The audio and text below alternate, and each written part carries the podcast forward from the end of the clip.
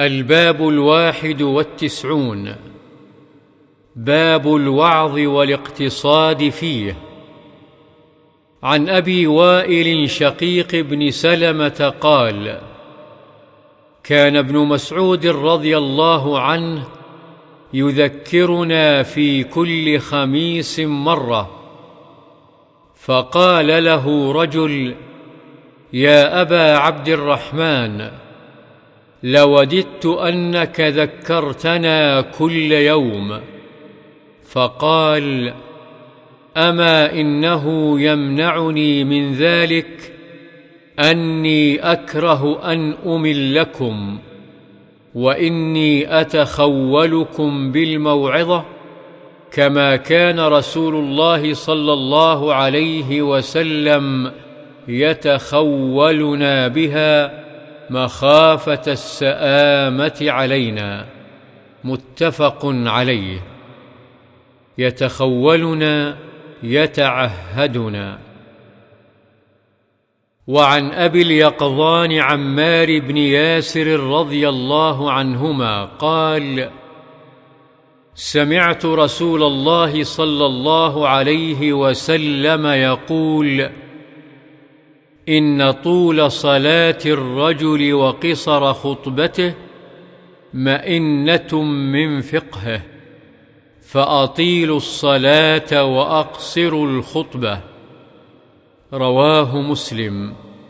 مئنة بميم مفتوحة ثم همزة مكسورة ثم نون مشددة أي علامة دالة على فقهه.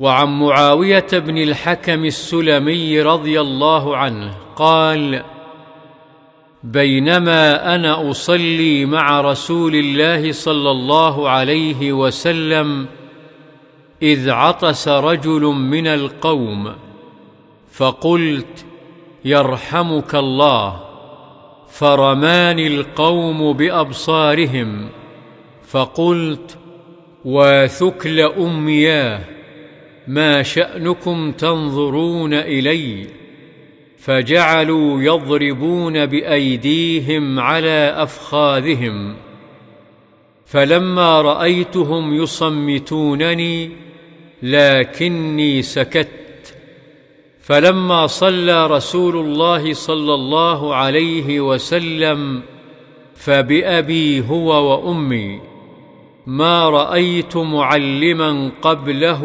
ولا بعده أحسن تعليما منه. فوالله ما كهرني ولا ضربني ولا شتمني. قال إن هذه الصلاة لا يصلح فيها شيء من كلام الناس. إنما هي التسبيح والتكبير وقراءة القرآن. أو كما قال رسول الله صلى الله عليه وسلم قلت يا رسول الله إني حديث عهد بجاهلية وقد جاء الله بالإسلام وإن منا رجالا يأتون الكهان. قال فلا تأتهم. قلت ومنا رجال يتطيرون.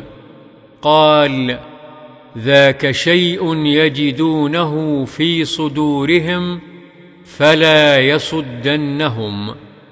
رواه مسلم.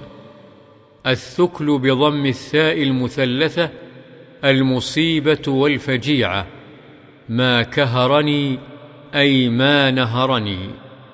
وعن العرباض بن سارية رضي الله عنه قال وعظنا رسول الله صلى الله عليه وسلم موعظة وجلت منها القلوب وذرفت منها العيون وذكر الحديث وقد سبق بكماله في باب الأمر بالمحافظة على السنة وذكرنا أن الترمذي قال إنه حديث حسن صحيح.